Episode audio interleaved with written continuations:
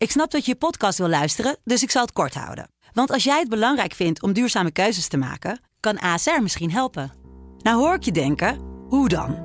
Nou, bijvoorbeeld bij het duurzaam herstellen van schade. Of de premies die we beleggen volgens ons duurzaam beleggingsbeleid. Dat bepaalt waar we wel en juist niet in investeren. Wil je meer weten over welke duurzame keuzes ASR maakt? Ga dan naar asr.nl slash duurzame keuzes. ASR doet het. Zo, dan kan je nu lekker naar je podcast luisteren. Dit is het Telegraafkwartier. De dagelijkse nieuwspodcast van de Telegraaf. Met Jeroen Holtrop. Ja, welkom bij het Telegraafkwartier van vrijdag 2 februari. Met vandaag opslag van data. Moeten we datacenters gaan bijbouwen of moeten we data gaan verwijderen? En een opmerkelijk verhaal uit de sportwereld. Een honkbaltalent misdraagt zich gigantisch op een vlucht. Wat zijn de gevolgen? Aangeschoven vandaag Fian Schouten van de Financiële Telegraaf en verslaggever Marcel Vink. Nederland is leidend op het gebied van datacenters, maar voor hoe lang nog? Volgens de branchevereniging zitten ze namelijk binnen één of twee jaar vol. Aangeschoven is Fian Schouten, verslaggever van DFT. Ja, wat, wat is een datacenter ook alweer? Wij werken allemaal in de cloud, hier ook bij de Telegraaf. En eh, alles wat we in de cloud doen, dat wordt ergens opgeslagen.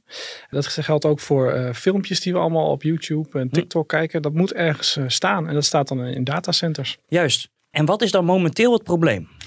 Nou, de branchevereniging die schreeuwt eigenlijk om hulp. Die zegt binnen één of twee jaar zitten al onze datacenters vol. En dat is een probleem, want uh, ja, waar moet je dan heen met je, met je spullen? Dus die willen graag dat er nieuw uh, vergunningen worden gegeven om bij te bouwen. Juist. En loopt dat een beetje? Lukt dat met die vergunningen? Is er uh, animo voor? Nou, niemand wil ze hebben. Geen provincie of gemeente wil zo'n uh, ding uh, hebben. En omwonenden eigenlijk ook niet. Dat hebben we natuurlijk gezien bij dat uh, gedoe in Zeewolde met dat grote ja. datacenter van Meta. Ja. In Noord-Holland, in de kop van Noord-Holland, was er ook heel veel gedoe over die hm. bouw. We zijn uiteindelijk wel gekomen. En, en ik las ook een opmerkelijke opstelling vanuit Amsterdam. die hebben gewoon gezegd, we willen helemaal geen nieuwe datacenters meer. Tenzij die eigenlijk alleen voor onze inwoners hun werk doen. Wat natuurlijk wel op zich een apart standpunt is. Ja, en wat dan als, straks zit het vol over één of twee jaar. En wat als, ja, als nu de situatie nog steeds zo is als, als die nu is. Ja. Wat dan? Wat gebeurt er dan? Nou, dat lijkt mij uh, onvoorstelbaar. Het Rijk heeft ook gezegd van dit is zo belangrijk voor onze economie en ons verdienmodel in Nederland. Die dingen moeten er gewoon komen. Ik denk dat we wel gaan zien dat er wel beweging komt op bepaalde vlakken. Dat ze gemeenten en provincies wel gewoon uh, ja, ja. gaan dwingen om ze te plaatsen. Of krijgen we dan uh, buitenlandse datacenters, hè? dat men daarin gaat? Ja, dat kan. We hebben hier in Nederland wel een heel belangrijk internetknooppunt, waardoor het ook aantrekkelijk is om dat uh, hier te hebben, die datacenters. Als ze naar het buitenland gaan, dan zeggen de datacenterorganisaties zeggen van, nou ja, dan gaan er ook bedrijven vertrekken. Ik kan niet goed inschatten hoe realistisch dat is. Maar, um, nee. maar in het buitenland zijn er ook gewoon tekorten aan ja, ja. datacenters. In uh, Groot-Brittannië en uh, Duitsland hm. bijvoorbeeld. Ja. Hoe, hoeveel data gebruiken wij eigenlijk? Weten we dat? Dat loopt niet in de terabyte, zeg maar. Dat nee, loopt nee. in dingen die ik niet eens kan uitspreken. Juist, ja. maar ik, ik, las wel in het stuk dat het dataverbruik op een smartphone binnen een jaar met een kwart is gestegen. Ja, ja, de ACM had het gewoon bij. Uh, ons mobiele dataverbruik. En dat blijft natuurlijk stijgen. Ik bedoel, je belt, uh, video belt constant. Uh, je zit overal uh, gewoon je filmpjes te kijken in, in de auto, zelfs achterin. Ja, ja, dat gebruik je allemaal data en in steeds betere kwaliteit. Dus het is helemaal niet zo gek dat we steeds meer data gebruiken. Juist. Sla jij alles op, Marcel? Of, hoe, hoe, hoe, ga jij met data om? Ik sla van alles op. Ik ben wel redelijk ouderwets, dus ik doe het beperkt. Ik vroeg me wel even af of dat nog enigszins invloed heeft op de veiligheid op het moment dat het naar het buitenland zou gaan. Of maakt dat eigenlijk helemaal niks uit? Je bedoelt qua wetgeving, waar iedereen in mag kijken. Of dat Precies, uh, ja. Als je op Facebook zit bijvoorbeeld, dan kun je wel op rekenen dat dat allemaal gewoon ja. netjes in Amerika is. Uh, of server staat. Ja. En zelf gewoon data verwijderen. Mm -hmm. Ik bedoel, eigenlijk doen we dat amper, toch? Nee, ik gebruik gewoon Gmail-account. Sinds ik dat heb, uh, ben mee begonnen, dat zal 20 jaar geleden zijn ongeveer, heb ik geen mailtje verwijderd. Ik weet niet of jullie dat doen, maar uh, ja, elk jaar krijg je er wat uh, gigabytes bij. en er is helemaal geen prikkel ook om ze te verwijderen. Mm. Op een gegeven moment heeft iedereen 10 gig aan mail staan. wat doe je ermee? Ja, niks. Het is voor Google gewoon handig om al die uh, informatie te kijken waar jij over mailt. En dan krijg je van die gepersonaliseerde advertenties uh, in Juist. Gmail. Juist. Dat is waarom ze het ook helemaal niet willen dat jij dingen verwijdert. Juist. Afsluitend, ja, waar pleit de branchevereniging voor? Die wil gewoon heel snel vergunning hebben om, uh, om te gaan bouwen. Wat ik van begrijp, uh, mensen die praten hoor je het liefst in, in zuidelijk Flevoland. Al is dat, dat gedoe met meta, heeft ze gewoon heel erg uh, dwars gezeten. Die werkte niet samen met die branchevereniging. Die hebben gewoon zelf een stuk land gekocht en geprobeerd die vergunning te regelen. En, ja, gedoe uiteindelijk... met meta, leg dat nog even uit. Ja, bij Zeewolde zou een enorm datacenter komen. Ja. Dat ging een beetje onder de radar. Er was een, een groot Amerikaans techbedrijf zou daar een datacenter mm. bouwen. Mm. Maar dat is eigenlijk toen hebben omwonenden en ook lokale overheden hebben daar gewoon uiteindelijk een streep door gezet, omdat ze dat gewoon niet wilden. Ja. Zo'n energieslurpende lelijke doos, dat wilden ze niet. Dat maakt de hele sfeer rond datacenters en de bouw daarvan is een beetje verzuurd daardoor. Mm. Ja, het is ook een beetje een ver van je bedshow natuurlijk, hè? datacenters en ja.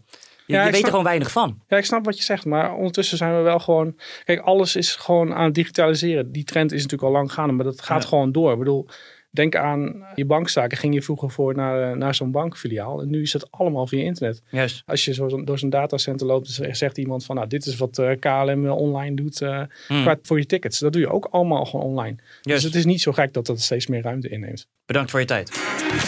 Een zeer opmerkelijk bericht uit de sportwereld. Een Nederlands honkbaltalent, Darnell Collins, heeft zich ernstig misdragen op een vlucht van Amsterdam naar Salt Lake City. Hij zou mensen hebben beledigd, geslagen en zelfs schaatster Antoinette Rijpma de Jong onzedelijk hebben betast. Marcel Vink, verslaggever, wat is er in godsnaam op deze vlucht gebeurd? Ja, er is inderdaad heel veel tumult geweest op een vlucht van Delta Airlines, die uh, een tijdje geleden van Schiphol naar uh, Salt Lake uh, City vloog. De vlucht begon relatief rustig, maar na ongeveer een uur of, of iets langer ja, ging het eh, eigenlijk helemaal mis. Deze jongen, groot honkbaltalent, ja. Darnell Collins, die ehm, zorgde al voor uh, wat irritatie bij de medereizigers door hmm. hele harde muziek op zijn koptelefoon te hebben. Hij was zelfs aan het headbangen, werd ons verteld door uh, aanwezigen in dat vliegtuig. Oké, ja. Ja, en toen ging het eigenlijk van kwaad tot erger. Uh, er zijn mensen geweest die hebben hem tot de orde proberen te roepen. Dat heeft de cockpitpersoneel ook proberen te doen. Maar ja, het is er uiteindelijk op uitgedraaid dat hij eh, inderdaad mensen heeft vastgepakt, beledigd. Hm. Geslagen, bespuugd. Meerdere uh, mensen ook, hè? Meerdere, meerdere slachtoffers. Mensen. Ja, absoluut. zijn echt meerdere mensen. er is onder andere ook een vrouw die hij heeft gevolgd naar het toilet. En toen ze eruit kwam, heeft hij haar ook vastgegrepen. Oké. is, dat, arm. is dat Rijpma de Jong? Of dat is weer een andere is een, is een andere vrouw. Ja? Die heeft hij bij haar arm gegrepen. Hij heeft ook inderdaad bij Antoinette Rijpma de Jong allerlei opmerkingen gemaakt. Dus hij zat vlak achter hem. Hm. Ze heeft een paar keer gevraagd of hij daarmee wilde stoppen. Dat is niet echt gebeurd. Ze zijn op een gegeven moment wel van plek gewisseld. Maar hm. ja, het is toch tot een soort van confrontatie gekomen. En daarbij is zij inderdaad uh, onzedelijk uh, betast. Het is ook bevestigd door haar uh, ploeg. Jumbo-Visma. Ja. ja. klopt inderdaad. Ja. Wat um, deed ehm, zij op deze vlucht eigenlijk? Nou, ze was daar voor World Cup wedstrijden. Ze is in voorbereiding op het WK. En die okay. World Cup wedstrijden die zijn dan heel belangrijk in voorbereiding daarop. Dus Daarom eh, zat zij eh, op die vlucht. Het is overigens zo dat dit Nederlandse honkbaltalent niet vanwege een wedstrijd in dat vliegtuig zat. Het is eigenlijk puur toeval dat ze op dezelfde vlucht zaten okay. überhaupt. Maar goed, hij woont in Amerika. Dus uh, ja, en, en, komt ook af en toe in Nederland. Dus hij was uh, zeg maar op de terugweg uh, ja. naar huis. Wie is deze Darnell Collins? Ik had er nog nooit van gehoord. Maar... Hij wordt echt gezien samen met zijn broer als de grootste honkbaltalent die Nederland zo ongeveer heeft. Hè. We hebben okay. eerder een, een, artikel met ze in de krant gehad. Om ja, een beetje te vragen naar hun toekomstplannen. Ja. 19 um, jaar is die geloof ik. Ja, klopt. Ja. Speelt in de Major League Baseball. Dus dat is echt, echt een hele grote competitie. Dat is maar voor weinig Nederlanders uh, weggelegd. Waar dus speelt hij? De ploeg die ontschiet me eventjes. Weet ik even niet. Kansas City? Kansas City, ja, je hebt gelijk. Kansas City was het inderdaad. Hij doet het daar uh, erg goed. Kijk, het honkbalseizoen is op dit moment uh, afgelopen. Maar er wordt heel veel van hem verwacht. Ook in de toekomst. En daarom ja, is het ook voor de honkbalwereld een enorme klap. En kan ik wel zeggen dat de paniek redelijk losbrak toen uh, dit verhaal bekend werd. Juist. Want deze jongen kunnen ze in de toekomst nog eens heel hard nodig hebben. Juist. Nou las ik dat zijn omgeving zegt dat hij gewoon ook echt mentale, psychische problemen heeft. Ja, inderdaad. Wij hebben eh, via de Honkbalbond hebben wij gehoord hoe de familie hier tegenaan kijkt. Hè. Dat wil natuurlijk toch wel even een weerwoord, een reactie hebben. En de familie heeft gezegd van nou ja, hij heeft inderdaad te kampen met psychische problemen. En die liggen dan ten grondslag aan dit gedrag. Deze jongen wordt omschreven als een jongen die uh, dit nooit eerder heeft gedaan. Lieve jongen, zorgzaam, zacht. Dus ja, ze kunnen dit gedrag totaal niet uh, plaatsen bij dit talent. En daarom is de schok voor iedereen ook vrij groot. Ja. Maar, maar jij zegt, heeft al een bekend psychische probleem. Waarom reist zo'n jonge jongen, dat is 19 jaar, waarom reist hij dan alleen zo lang? Ja, dat is een beetje de vraag. Kijk, hij is natuurlijk wel een topsporter. Het was al bekend dat hij pendelt een beetje tussen Nederland en Amerika. Zijn vader heeft Arubaanse bloed. Zijn moeder komt oorspronkelijk uit Estland. Die kunnen ook niet de hele tijd bij hem zijn in Amerika. Dus uh, ja, goed, hij, hij, het is toch, natuurlijk toch een volwassen jongen. Die daar ook veel Mhm. samen met zijn broer zit. Hè, dus ze hebben ook steun aan elkaar. Dus ik begrijp op zich wel dat hij daar alleen naartoe gaat. Maar het is wel, uh, Het is wel compleet onverwacht. eh, Ja, ja. absoluut. Ja. Dit zal behoorlijke gevolgen hebben voor zijn carrière, of niet? Nou, voor zijn carrière kan dit zeker gevolgen hebben, denk ik. Het is natuurlijk een beetje de vraag op het moment dat bewezen wordt verklaard dat hij psychische problemen heeft, wat er dan gaat gebeuren. Dan Ja. heeft hij natuurlijk hulp nodig. Ja. Ik weet wel dat ze in de Amerikaanse sportwereld vrij streng zijn. Dus ook dan kan het nog wel eh, gevolgen voor hem hebben.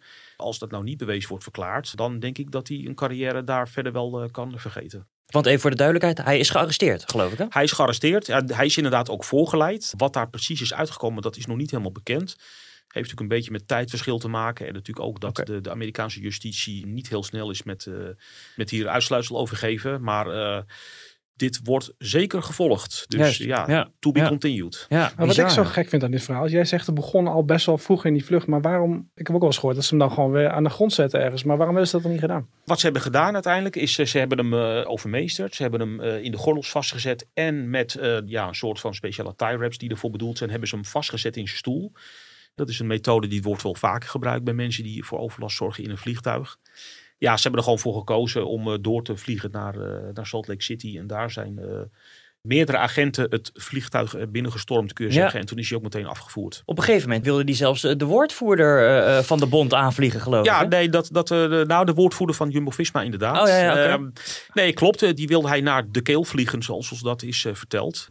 Dus ja, het is wel duidelijk dat deze jongen echt door het lint is gegaan. En eh, ja, het zal nu bekend moeten worden wat er precies aan de hand is geweest. Hebben jullie wel eens iets heel geks meegemaakt eh, op een vlucht? Nee, niet, gelukkig niet Zoiets? zoiets. Nee. nee. Bizar dit, toch? Ja, echt bizar. Ja, Jij? Maar dat ze hem ook kunnen. Ja, ik heb wel in China een keer in een vliegtuig gezeten waar plotseling een SARS-alarm afging. En toen werd... eh, Een SARS-alarm. Ja, toen eh, brak er enorme paniek uit onder de passagiers. Dat was echt dus jaren Ja. geleden toen SARS. Hè, Ja. Ik bedoel, we hebben nu COVID. Toen was het Ja. SARS. Toen buitelde iedereen over elkaar heen om het vliegtuig uit te komen. kwamen allemaal mannen in witte pakken in het vliegtuig. En, Oh ja. eh, ja, ik had zoiets van, ja, ik zie wel wat er verder gebeurt. Maar die Chinezen die waren des doods. Dus het is, is wel een rare ervaring op het moment dat er eh, paniek uitbreekt in een vliegtuig. Juist. Pikken we nog even mee, zo'n eh, zo'n Ja. SARS-verhaal zo, Nou, zo ja. op het eind van het kwartier. Hè? Doen we zo even op de vrijdagmiddag. Hè? Dus, ja. Bedankt, bedankt voor jullie komst, jongens. Oké. En jullie bedankt voor het luisteren. Maandag om half vijf zijn we er weer. Wil je op de hoogte blijven van het laatste nieuws? Ga dan naar telegraaf.nl of download de Telegraaf-app.